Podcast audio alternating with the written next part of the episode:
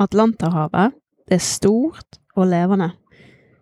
I 42 dager så har vi baksla med å krysse dette, med et par øystopp på veien. Og vi er ennå ikke ferdig kryssa.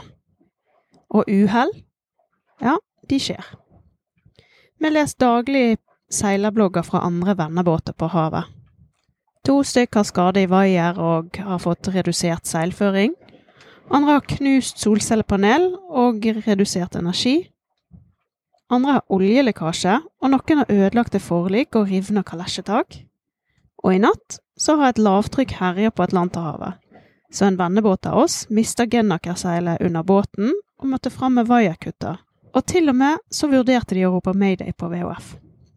Og på Sola så er det intet unntak. Vi har òg hatt uhell om bord.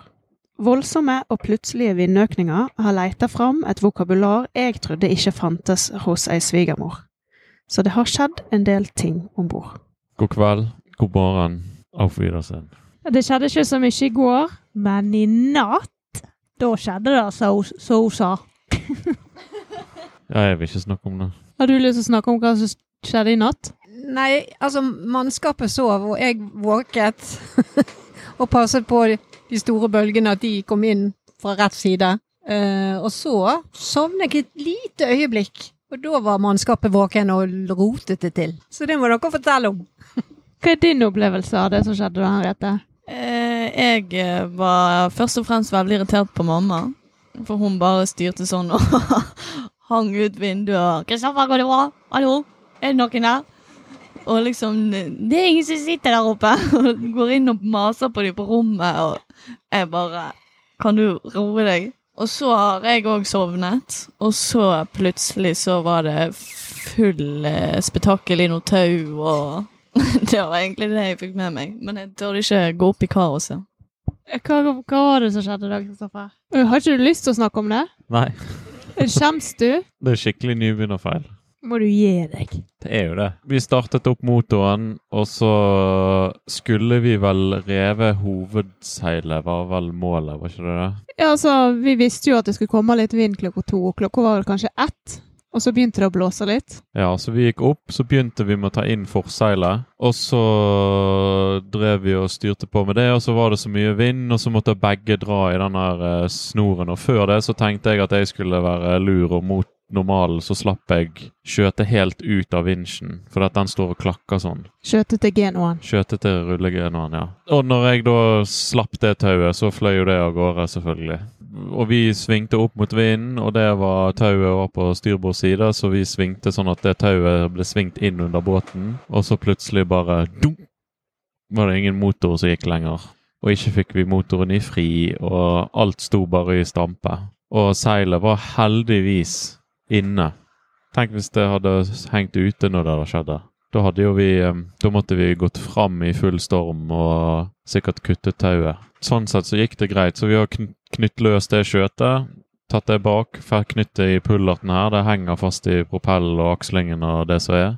Og så har vi ett skjøte på seilet nå, så vi må flytte fra side til side hvis vi skal slå. Men det blåser jo, da. Det blåser. Så vi trenger jo ikke den motoren med det første. Nei. Det eneste er den voldsomme duringen fra et eller annet som foregår under der. Ja, Vi hadde jo en plan om å sende deg ut i sjøen eh, for å ta løs det tauet, men eh, det gikk ikke, for du sov i fem timer i dag. Nei, men jeg tror ikke det hadde vært noe å gå ut i uansett. Altså det der greiene Hvis vi begynner på det prosjektet der uten å lykkes, så risikerer vi å ikke få snudd båten opp igjen i seileposisjon. Så hvis vi legger bi og ikke er 100 sikker på at vi får til det der med tauet Vi får gjøre det på neste stille. Ja. Ja, så det er altså stå nå driver vi og seiler i Mellom seks og åtte med tau i propell. med tau i propell. Vi måtte under sengen til eh, Monica og Henriette i dag, så de har blitt kjeppjaga opp i cockpiten. Så her har de vært i hele dag, faktisk, nesten. Og det har jo vært kjekt.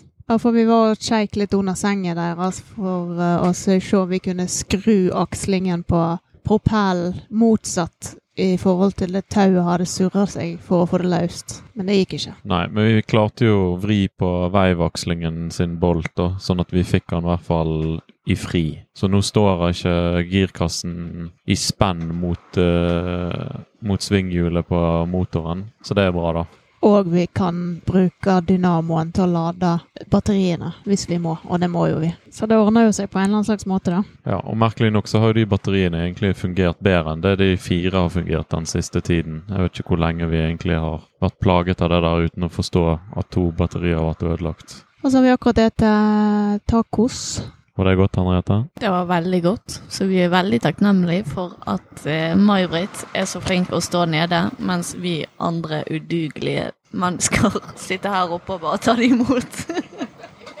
Ellers har ikke vi sett så masse dyr i dag. Jo. Nei, jeg gapte sånn når det skjedde, for det, det kom masse delfiner skrått inn forfra. Så så jeg at det var en god flokk. Så så jeg at det var en ganske bra flokk som kom, og så tenkte jeg sånn ah, ja, kommer de for å leke med seilbåten? Men det gjorde de ikke, og jeg har aldri sett delfiner svømme så fort i hele mitt liv. Og de hoppet så høyt, og de- de deres var kanskje på 20 meter lengde. Altså det var bare opp, og du hørte den der pustelyden. Vi har sett to fluer i dag, da. To vanlige fluer, de sto på utsiden, og så kom det noen bananfluer. Ja, vi så et svale òg. OK. Greit. Hivoi. Hivoi. Ivoi.